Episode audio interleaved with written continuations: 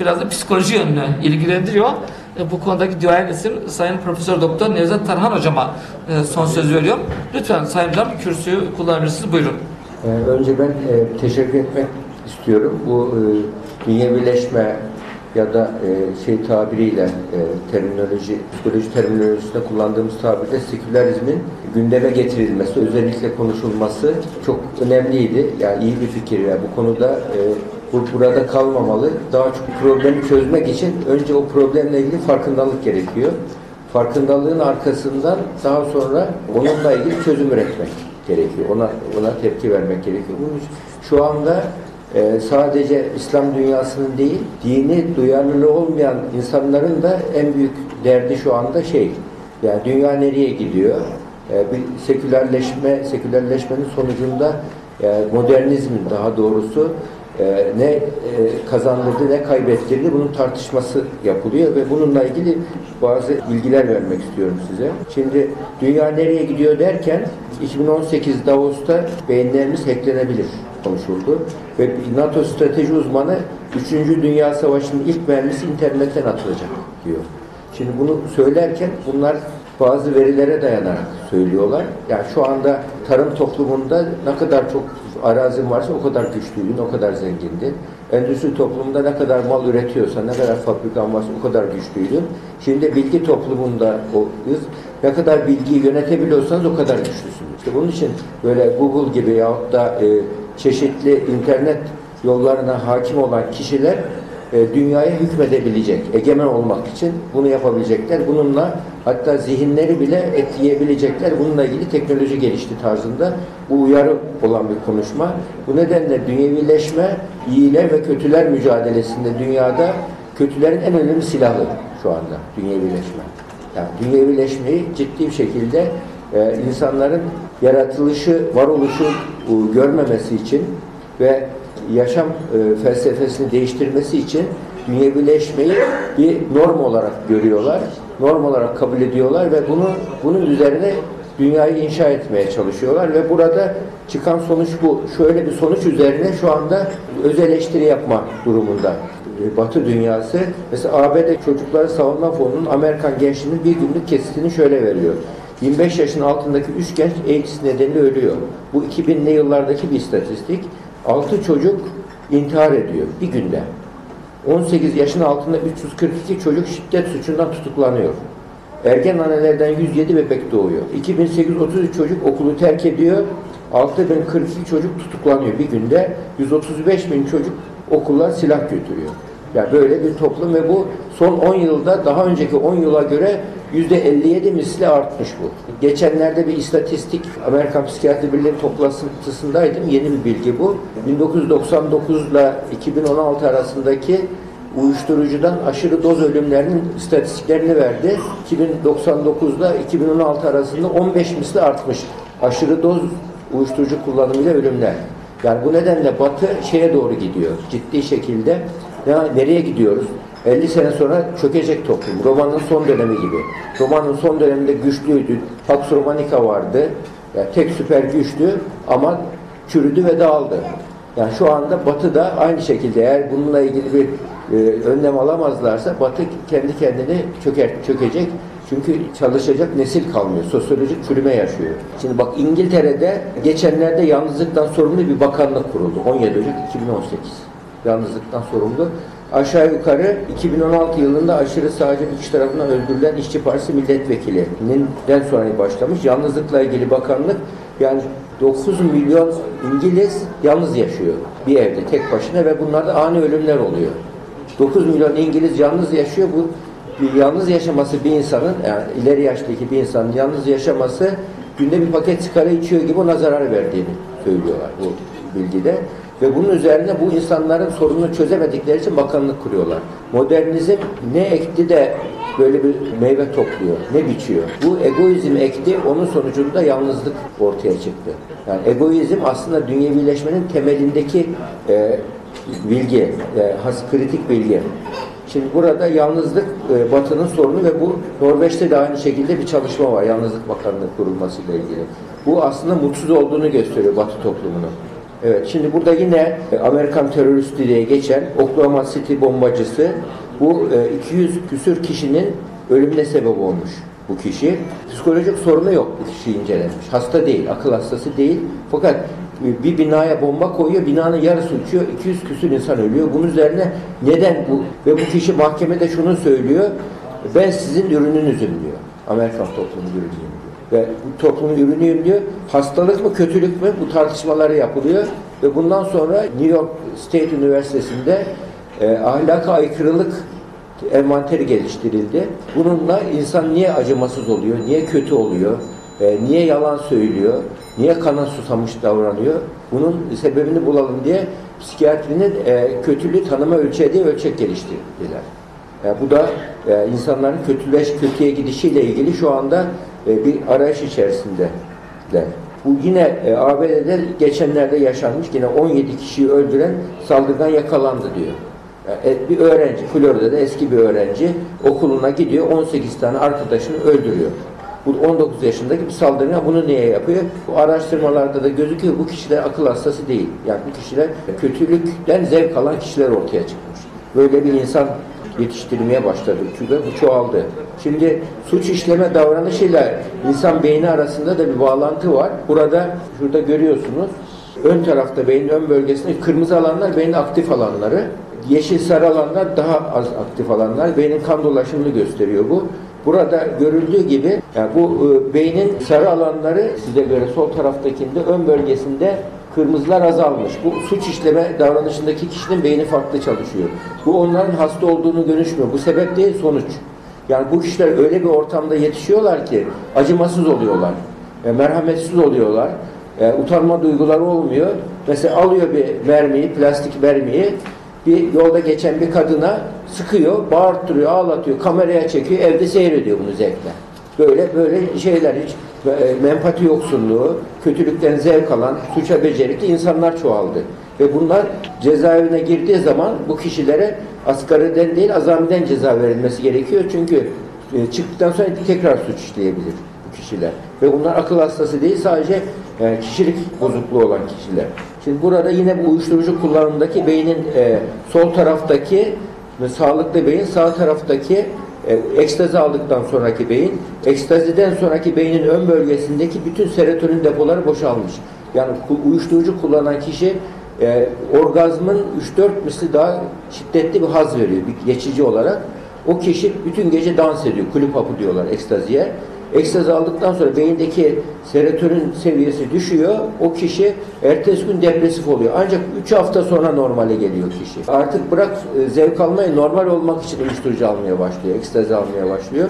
Bu madde batının haz peşinde koşan toplumunda zevk tuzağı halinde bu maddeler çok yaygın kullanılmaya başlandı. Burada yani önlem alınamıyor. Şu anda opiyat kullanımı ciddi artmış. ABD parlamentosuna gündem haline gelmiş durumda. Şimdi bunları konuşurken bir de mutluluk bilimiyle ilgili çalışmalar başladı bir taraftan da. Yani e, kapitalizm önce hasta ediyor sonra tedavi ediyor biliyorsunuz. Yani bu hatta antidepresan ilaçlar şu anda New York'ta Manhattan şehrinin kanalizasyonlarında ölçülebilir derecede artmış. Yani önce hasta etti, şimdi de çare arıyor, tedavi arıyor. Bu mutluluk bilimi çalışmaları da, pozitif psikoloji çalışmaları da bunlardan birisi. Burada Einstein'ın IQ'su çok yüksek biliyorsunuz. Nobel Fizik Ödülü almış. Çok yüksek zekası var. Mükemmel keman çalıyor. Satranç oynuyor. Dahi. Ama duygusal zekası yerlerde sürünüyor. Evliliğin 10. yılında karısına şunu söylüyor. Senin evli kalmamı istiyorsan benden şikayet etme. Yemeğimi üç öğün düzenli olarak odama getir. Benden dostluk ve yakınlık bekleme. Böyle bir erkekle hangi kadın evlenmek yaşar? Yaşamaz. Ayrılmış zaten. Bunun tabii karşılığı da var. Kadın ve erkek e, şeyler arasında iki uç arasında gidip geliyoruz. Burada e, pozitif psikolojide temel referans olmuş e, referanslardan birisi de bu Duşan gülümsemesidir. Pozitif bilimde, pozitif psikolojide e, referans olmuş. Düşen gülümsemesi bu kişiler ortalama 8,5 yıl daha uzun yaşıyorlar. Bu gülümsemesi olan daha az boşanıyorlar. Bu kişilerin gözlerinin iki kenarında, dudağın iki kenarındaki çizgiler vardır hepimizde. Bu çizgilerin %50'si yukarı doğru olan kişi. Bu kişiler aynaya gidince bakabilirsiniz. Mesela botoks yaptıranlar bakmasın. %50'si yukarı doğru. Bu kişiler genellikle mütebessim kişiler. Resulullah'ı anlatanlar hep söyler, hep mütebessim olarak bile görülmüş yani, hep mütebessim yani. Yani onun şeyi, yani bu mütebessim olmak aslında insanın temel ahlakı, pozitif emosyon dedikleri, pozitif duygu durumunda olması. Yani bu pozitif psikoloji derken şey değil, polyanlacılık değil. Yani onun ayrı bir tanımlaması var. Normal psikoloji eksiği gösteriyor. Eksiği sıfıra getirmeye çalışıyor. Pozitif psikoloji sıfırın üzerine çıkarmaya çalışıyor. Yani nasıl yaşarsan mutlu olursun, nasıl yaşarsan sağlıklı olursun. Yani bunu öğretmeye çalışan bir bilim dalı. Koruyucu ruh sağlığıyla ilgili. Şimdi karanlığın beş atlısı var. Bu beş bu duygu. Kin, öfke, nefret, kıskançlık ve düşmanlık. Bu duyguları modernizm artırıyor. Bu duyguları. Bu duygular da beyinde aşırı stres hormonları salgılanıyor. Mesela bir, e, omuz, boyun, bel, sırt kasları kasılıyor. Damar direnci artıyor, tansiyon yükseliyor, mide bağırsak spazmı oluyor, mide bağırsak hastalıklar ortaya çıkıyor. Birçok psikosomatik hastalıklar birkaç saat olup geçerse vücut kendini dengeliyor. Ama birkaç saat değil, kronik stres varsa ve başlıyor bir vücutta hasar başlıyor organlarda birçok hastalık bu şekilde ortaya çıkıyor. Şimdi e, bunu anlatırken yani sekülerleşmeden bahsederken İslam dünyasının sekülerleşmesiyle ilgili bir sosyolojik bir e, parantez açmak istiyorum. Şimdi Osmanlı dünyası, bütün dünya şu anda seküler, sekülerizm sosyal bir hastalık şu anda. İslam dünyasına bu 1850'li yıllarda Şeyhülislam Hikmet Arif Bey diye ismi yanlış hatırlıyorsun. O büyük bir Şeyhülislam ve Ahmet Cevdet Paşa var. Mecellenin müellifi ve o da tarihte iz bırakmış bir kimse. Şimdi o Ahmet Cevdet Paşa bakıyor şey medresenin konseptinde hiç şey yok. Daha önce fe- felsefe, mantık, Aristo gibi birçok ilimleri 17. yüzyılda Osmanlı kaldırmış. Bunlara ihtiyacımız yok diye. Kaldırmış. Daha önce medrese-i Zülcenahiyen varmış. Yani hem akli ilimler hem nakli ilimler birlikte öğretiliyor. Daha sonra Osmanlı en güçlü döneminde artık o dünyada süper güç olduğu dönemde bu- buna ihtiyaç yok. Boşuna öğretiyoruz bunları çocuklara diye bu akli ilimleri kaldırıyor. Akli ilimleri kaldırdıktan sonra sadece nakli ilimler medresede öğretiliyor. Batıdan endüstri devrimi başlıyor. Dünyevileşme rüzgarı geliyor. Bu rüzgara karşı e, akli ilimleri kullanmadığı için İslamiyet ona karşı direnç gösterememeye başlıyor. Medrese cevap yetiştiremiyor. Bunun üzerine o Valide Sultan'ı ikna ediyor Ahmet Cevdet Paşa ve Sadrazam. Daha sonra e, Şeyhülislam Arif Hikmet Bey o da efendi o da e, ikna oluyor ve Cağaloğlu'ndaki şu anda Cağaloğlu Lisesi olan binayı yeni bir medrese tipi olarak yapıyorlar. Yani hem akli ilimler hem nakli ilimlerin olduğu haritaları koyuyorlar, alet edevat koyuyorlar. Aynı hem din okutuluyor hem fen bilimleri okutuluyor. O zamanki medrese vakıfların elindeymiş. Vakıflar da bunu bir tehdit olarak görüyorlar ve bunu kaldırtıyorlar. Osmanlılar da sadece medrese tipi insan yetişiyor din ilimlerine karşı. Şu anda mesela Taliban öyle. Taliban'da hiçbir dünyevi ilim öğretilmiyor. Sadece e, nakli ilimler öğretiliyor. Bir taraftan da mektep yetişiyor. Buna karşı şey var, e, Türkiye fakirleşme, dünya Osmanlı o zaman fakirleşmeye başlıyor ve mektepleri açıyor. Mektepleşen de mek- medrese karşıtı oluyor. Mektep tipi bir insan, mektep, e, medrese tipi iki tip insan yetişmeye başlıyor. Ve bu iki tane e, cadde ayrı yetişmeye başlıyor. İki insan tipi zamanın ruhu dünyevileşme lehinde olduğu için din ve pozitif bilim sentezini yapamayan medrese bunun üzerine yenik düşüyor ve mektep e, İttihat Terakki, Meşrutiyet ve Cumhuriyet'le birlikte hakim oluyor. Bu sentezi yapamadığı için tek tip insan yetiştiremediğimiz için biz bence e, böyle bir durumda buna karşı duramadık. Bunu Türkiye'de daha sonra birçok dini gruplar ve İmam Hatip'ten yetişen nesiller bu sentezi yapıyor. Türkiye'de onun için ben hep sık sık vurguluyorum. Taliban gibi radikal grupların yetişmemesinin sebebi dilimlerle fen ilimlerin birlikte okutulduğu bir eğitim sisteminin Türkiye'de olması nedeniyle radikalleşme eğilimleri olmuyor. Yani aklı terk etmeyen insanlar oluyor. Akıl ve kalbi birlikte götürebilen insanlar. Yani bu nedenle burada e, medreselik, mantık, matematik, astronomi, felsefe gibi filmler e, mesela İbn Sina, İbn Rüşd, İ- II. Aristo denilen Farabi eğitimden çıkarılıyor. E, ve büyük ihtimal bu tabi benim görüşüm ilahiyatçılar yanlışım varsa düzelsinler ilmiye sınıfının Mısır kaynaklı ulemanın Yavuz'la birlikte İstanbul'a gelip 100-200 sene içerisinde oradaki fikri değiştirmesi. Mesela Hazarfen Çelebi'nin hikayesi var. O kanat yapıyor, uçuyor biliyorsun. O bu şey, Üsküdar'a kadar uçtuğu söyleniyor. Ondan sonra deprem olmuş. Deprem olduktan sonra diyorlar ki Allah diyor eğer isteseydi insanı kanatlı yapardı. Uçurtmaya çalışmak dine aykırıdır diye Hazarfen Çelebi sürdürüyor. Padişah istediği halde. Şimdi bu böyle bu bu gibi durumlar bu aslında dine referanslı değil. Yani tamamen mesela matbaanın geç girmesi gibi sebeplerle bir direnç ortaya çıkıyor ve bu şekilde biz dünyevileşme ile uhrevileşme arasındaki dengeyi dünyevileşmenin yerine gençlere terk etmiş oluyoruz. Ve bu şekilde yeni yetişen gençler dini ve dünyevi arasındaki dengeyi kuramamış oluyorlar. Yani şimdi bunu söylerken insan nasıl karar arıyor, alıyor, insan nasıl gelecekle ilgili e, plan üretiyor, kapitalizme e, referans olmuş bir karar aramayla ilgili bir psikolojik modeller var. Daha doğrusu hem ekonomikus hem psikolojikus modeller var. Homo economicus model kapitalizme ve modernizme ve dünyevileşmeye referans olmuş. Bak insan diyor rasyonel bir aktördür. Mükemmel bilgiye sahiptir. Mikro iktisattan türetilmiştir. Subjektif faydayı maksimize eder diyor. Yani aklıyla hareket eder diyor. Kapitalizm bunun üzerine kuruldu. Aydınlanma vesaire dünyayı terk etmesi aklı tek e, düşünüyorum o halde varım diye Descartes kurdu ama daha sonra Descartes'in yanılgısı var diye 90'larda bilimdeki bütün e, ezberler değişmeye çalıştı. Yani şimdi pozitif bilim dünyevileşmeye karşıtı fikirler üretmeye başladı şimdi. Bundan faydalanmamız lazım. Çünkü eskiden dini sağlamlık ön planda tutuluyordu. Hocalarımız söyledi. Şimdi bilimsel sağlamlığı insanlar daha çok referans alıyorlar. O halde bilimsel sağlamlıkla dine bilgileri e, birleştirerek anlattığımız zaman ikna edebileceğiz buradaki e, dünyeviliği savunanları. İkinci homo psikolojicus modeli. Bu modeli bulanlar 2000 yıllarda iki kişi Nobel ödülü aldı. 2017 Nobel ödülünü alan davranış iktisatçısı birisi. E, bu insan sadece rasyonel bir varlık değil, sınırlı olarak rasyoneldir. Faydayı maksimize etmek yerine yeterince iyi olanı kanaat eder. Yani insan alışveriş yaparken kar zarar temel ihtiyaca göre değil, sevdiği şeye yatırım yapar, güven duyduğu alanda yatırım yapar. Yani e, parayı kullanırken, kaynaklarını kullanırken e, psikolojik etkenlerde karar vermesinin önemlidir diye görüş. Daha sonra şimdi de nörobilişsel sınırlarda rasyonel. Şimdi iktisatçılar bilir, e, iktisat kelimesinin temeli e, Arapça kökeni e, maksat kelimesinden türemiş. Maksat kelimesi ne demek? Amaç. Yani iktisatta eğer iktisadı sen iyi biliyorsan önce maksadını belirleyeceksin. O maksada göre yatırımlarını yapacaksın. Kaynağını ona göre yedireceksin. Yani sınırlı kaynakları sınırsız ihtiyaçlar arasında dengeyi kurabilmek. Onun için maksat önemli. Bu beynin çalışmasıyla ilgili. Yani insan karar verirken e, beyinsel bilgilerle karar veriyor. Zihnini kullanmayı, doğru kullanmayı başaran kimse doğru kararlar verebiliyor.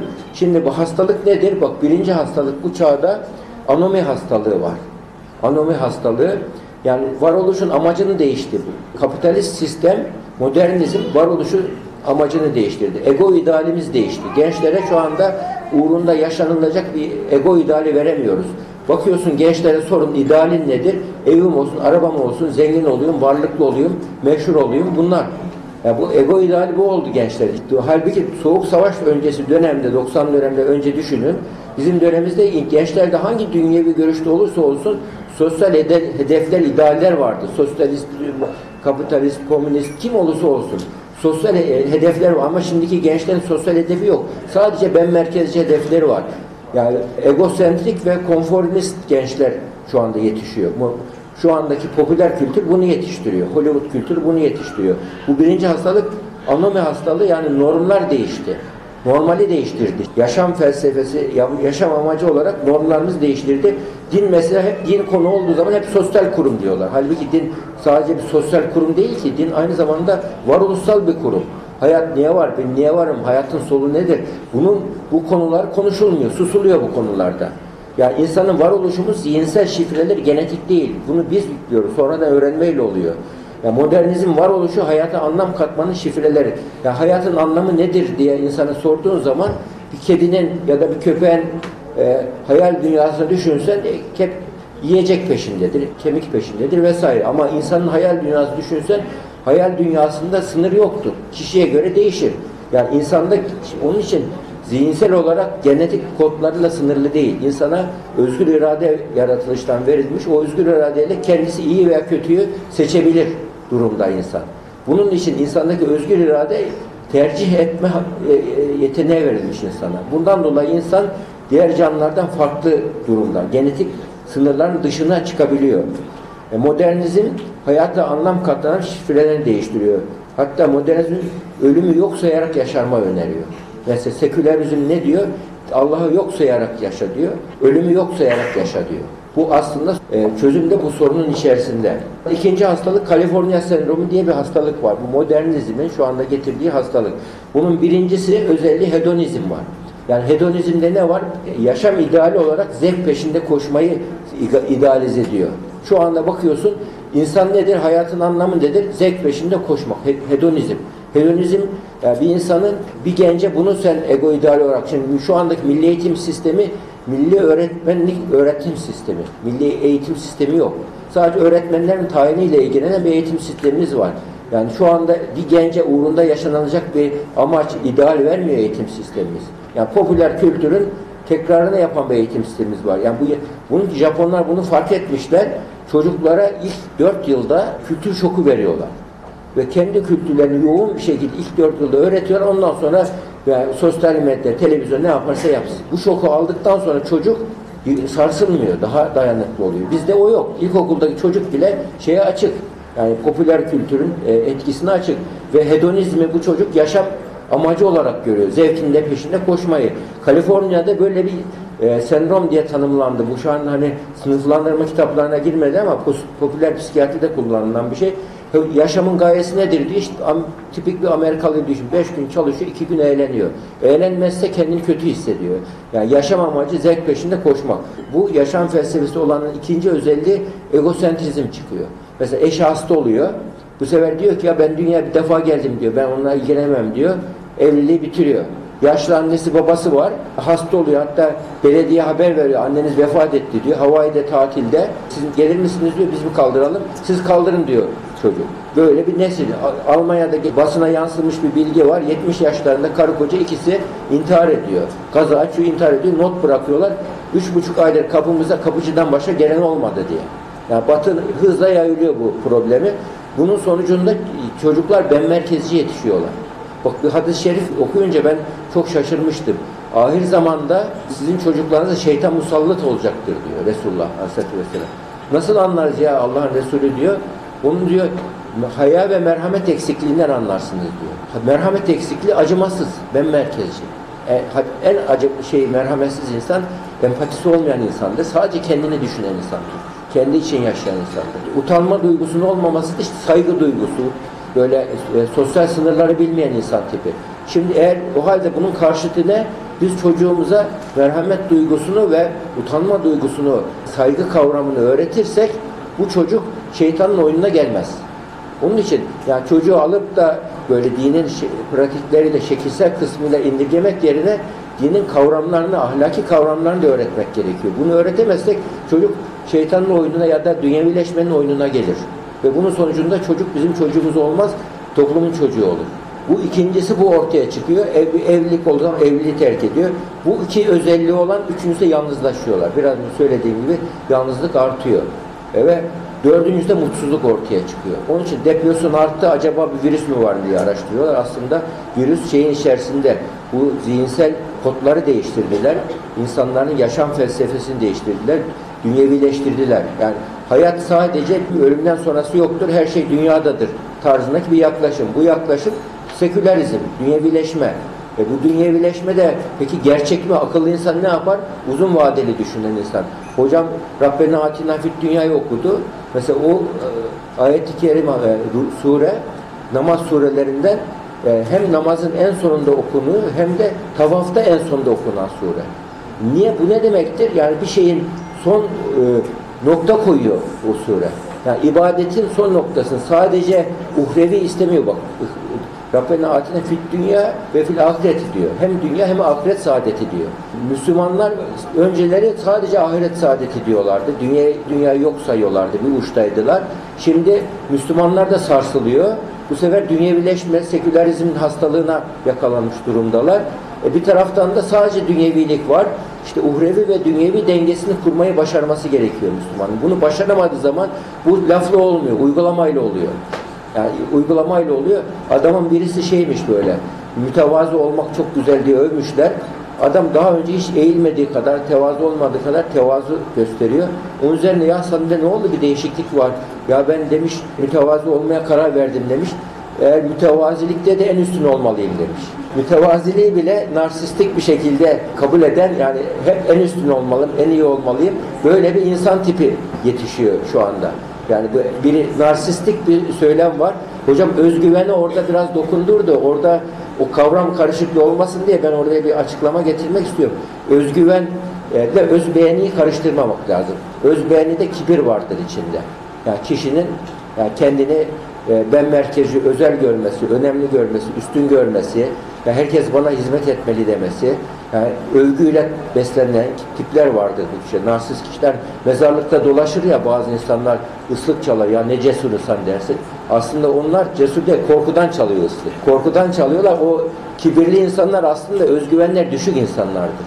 Kibir rolü oynuyorlar. Aslında kendilerine aşağılık duyguları özgüven ya da kibir e, özbeğeni şeklinde kendilerini ifade ediyorlar. O kişiler iç dünyalarında daha mutsuz kişilerdir. Onun için kibir bütün kötülükleri bir odaya doldursanız kapısını kibir açıyor. Bütün kötülük, iyilikler bir odaya doldursa kapısını tevazu açıyor. Yani bu İslam kültüründe, irfan kültüründe bunu bunu bilmek gerekiyor ama özbeğeni kendini beğenmek, kendine hayran olmak. İşte ey ayna benden daha güzeli var mı söyle diyen narsistik kişiler. Bu bu tip insanı modernizm besliyor. Bu insanı doğal şey insan kabul ediyor. Yani kibirli olan insan onurlanıyorum, onurlanıyorum, onur diyorum derken aslında kibri farkında olmadan büyüklük hastalığı haline getirmiş. Bu da bu çağın şeylerinden birisi. Yani orada özbeğeni de özgüvene, yani özgüven de şimdi ezik bir Müslüman olmamalı. Yani öz, sen özgüvene şey yaparken sorma, düşünme, itaat et diyen bir e, şey var. Yani bizim biraz İslam'da olmayan ama geleneklerimize yerleşmiş su büyüğün, sus küçüğün tarzındaki bir kültürümüz var. Bu şey değil. Sorgulayan çocuk lazım. Anneye babaya hayır diyen çocuk lazım. Bu özgüvenden rahatsız olmamak gerekiyor. Sormayan, susan çocuk e, bu çağın doğrularını yakalayamaz. Yetenekler gelişemez. Bunun için e, eleştirisel düşünebilen, sorgulayan çocuk e, ya da genç ya da insan özgüven sahibi insandır. Ama bu e, egosu için değil, bunu hakikati bulmak için yapan bir insandır. Onu karıştırmamak gerekir. Evet, mutsuzluk meyvesini vermeye başladı. Üçüncü hastalık entropi yükseldi. Yani entropiyle ne alakası var şeyle diye e, düşünmeyelim. Entropi biliyorsunuz termodinamik ikinci yasası. Yani bu, bardakta su varsa ısıtmazsanız soğur. Bu oda darmadağınıksa eğer bak düzenlemezseniz dağılır. Yani evren düz, ordurdan düz ordura gidiyor. Düzenden düzensizliğe gidiyor evren. Eğer biz e, düzenlemezsek, e, odamızı aydınlatmazsak, e, düzenlemezsek dağılır her şey. Yani böyle bir yaratılış yasası var. Enerji yasalarından. Bu, bu e, davranışsal entropi, sosyal entropi içinde bu geçerli. Yani iyi ve güzel şeyler yayılmak için çabalamazsak kötü kendiliğinden yayılıyor. Onun için iyilerin aktif olması gerekiyor. İyilerin pasif olması kötülük yapmaktır. Yani elinde mum var yakmıyorsun. Bu oda karanlık diye şikayet etmeye hakkın yok. Mum yakacaksın. Onun için kötülükle en güzel mücadele iyilik yapmaktır. Karanlıkla en güzel mücadele nasıl ışık yakmaksa onun için iyilik yapmayan Müslüman mesuldür şu zamanda. İyi ve güzel bir şey yapmazsak biz mesul oluruz. Entropi yasasına göre kötüler yayılır. Şu anda dünyada kötü ve kötülükler yayılıyorsa en büyük sorumluluk iyilerindir. İyi, ben iyiyim diyen insanların iyiliklerini yaymak için çabalamamasıdır. Bunun için bu toplantılar bu açıdan çok önemli. Şimdi çözüme geçelim. Ee, Allah tasavvurunun e, topluma doğru öğretilmesi gerekiyor. Çünkü Batı dünyası öyle bir Allah tasavvuru yaptı ki işte deist gençlik diye söylenen gençlik aslında gençlik deist değil. Sorguluyor gençlik şu anda. Özellikle ergenlik dönemi sorgulama dönemidir. Ben kimim, nereye aitim, niçin sorularını sorar. Bu dönemdeki sorarken şu andaki daha önce resmi ideoloji sorguluyordu. Şu andaki de e, siyasetteki görünen otoriteyi sorguluyor. Yani genç otoriteyi sorgulayan kişidir. Şu andaki otorite dinle barışık bir otorite olarak gözüktüğü için genç birçok hataları sorguluyor ve e, dine mal etmeye başladı. Ve bunun üzerine gençler hataları niye düzeltmiyor? Madem böyle o zaman İslam'da mı bir kusur var? Kur'an'da mı bir kusur, var? Hakikatsizlik var diye sorgulamaya başladı. Bu sorgulayan gençler hemen deist demeyelim onları ikna etmek için ve onları konuşmak ve tartışmak gerekiyor ama en çok sorun hocamın da söylediği gibi ilmi kelam konusundaki çalışmalara ihtiyaç var.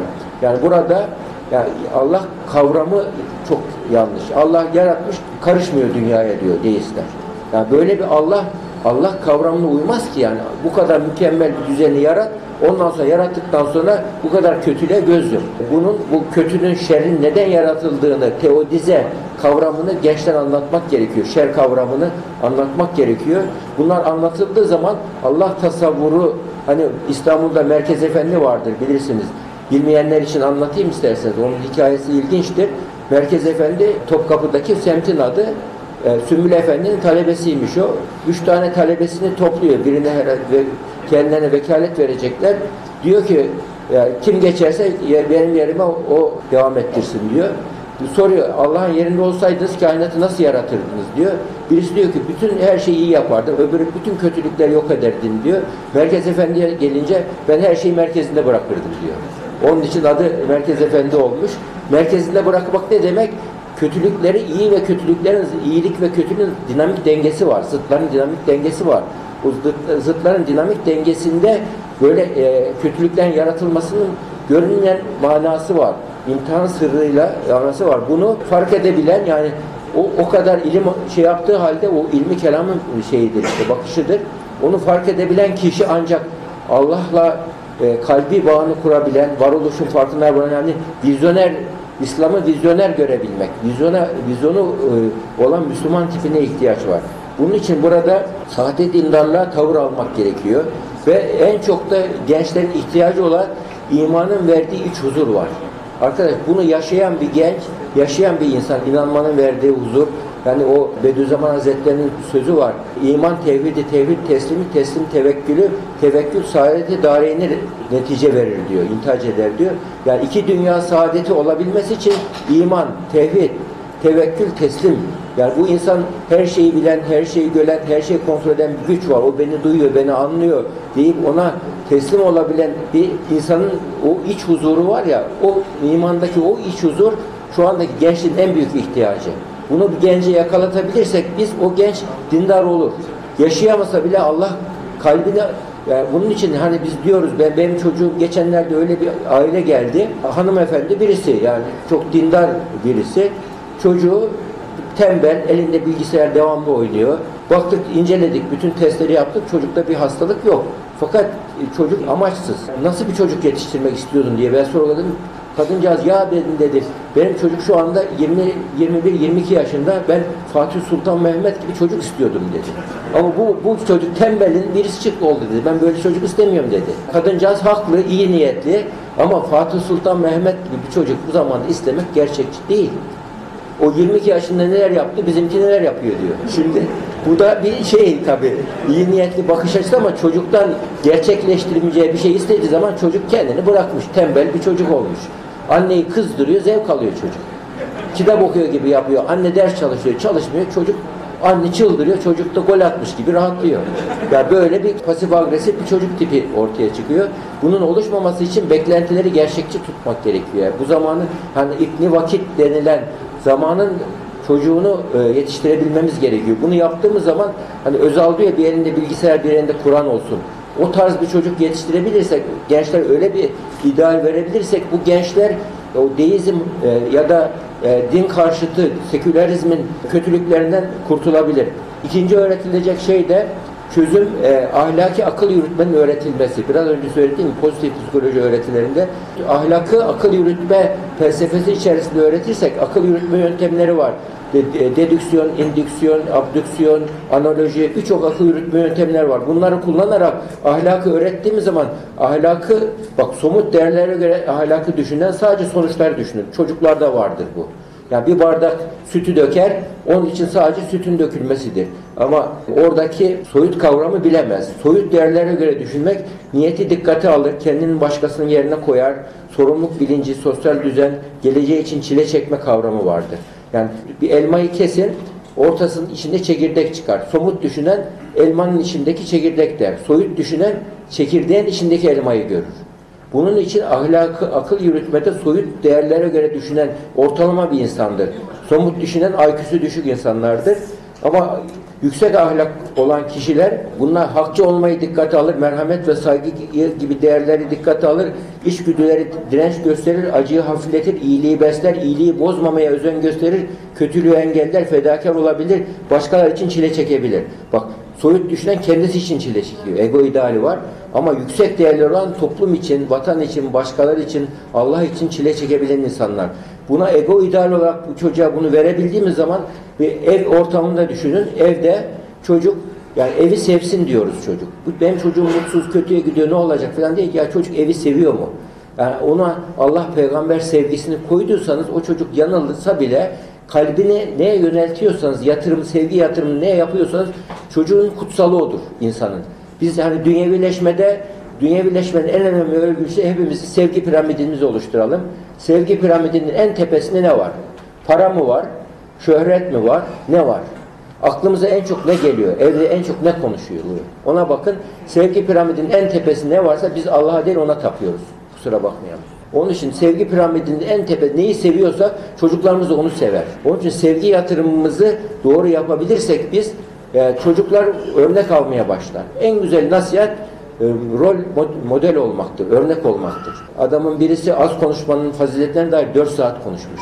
Nasihat derken böyle kendimiz yaşamazsak tesir etmez. Onun için muhakkak kendimiz yaşayacağız. Ölüm bilincinin oluşturulması çözülmüş olacak atlamışız. Necip Fazıl'ın şu e, sözüyle bitirmek istiyorum. Yeryüzü dediğin gibi koca bir mabet. Geldik bu mabede maksat ibadet. Üç günlük dünya için gayret üstüne gayret. Ebedi hayat için gayret yok hayret. Ezanlar ederken secdeye davet. Hep yarın diyorsun o yarın belki kıyamet. Yani burada aslında biz ölüm bilincini gençlere, kendi nefsimize önce, dünyaya arkadaş ölüm var. Hayatı acılaştıran ölümü zikredebilmek. Bunu düşündüğümüz an içimizdeki o dünyevi tehlike ve bu- bununla ehli dünya birisiyle konuşurken dünyeviliği arkadaş ölümden sonraki çözümün ne? Ölüm bilinci. Bunu buna kafa yorsun. Ölümden sonra çözüm getiriyorsa tamam bütün hayat dünya hayatına ibaretse kabir kapısı kapanmışsa tamamen dünyevi olalım. Ama arkadaş ölüm var. Ölümden sonra gideceğiz. Akıllı insan uzun vadeli düşünen insan. Ölümden sonrası için çözümün yoksa o zaman arkadaş ölümden sonrasına bilen elinde olan hükmü, hükmeden kişinin görüşünü bir seçenek olarak düşünmek durumundayız. Evet. İnsan yani bunun şunu e, bu sözü çok e, kullanıyorum ben. İyi insan olmak sadece erdemli olmak değil, varoluşumuz için ödediğimiz bir kiradır. İyi insan olmayı gençlere ego ideali olarak öğretmek gerekiyor. Bu sorumluluktur. Yani varoluşumuzun kirasıdır. Kuş değiliz, böcek değiliz, ağaç değiliz, insan olarak yaratıldıysak bunun bir kirası var. O kirada budur. Teşekkür ederim. Tamam.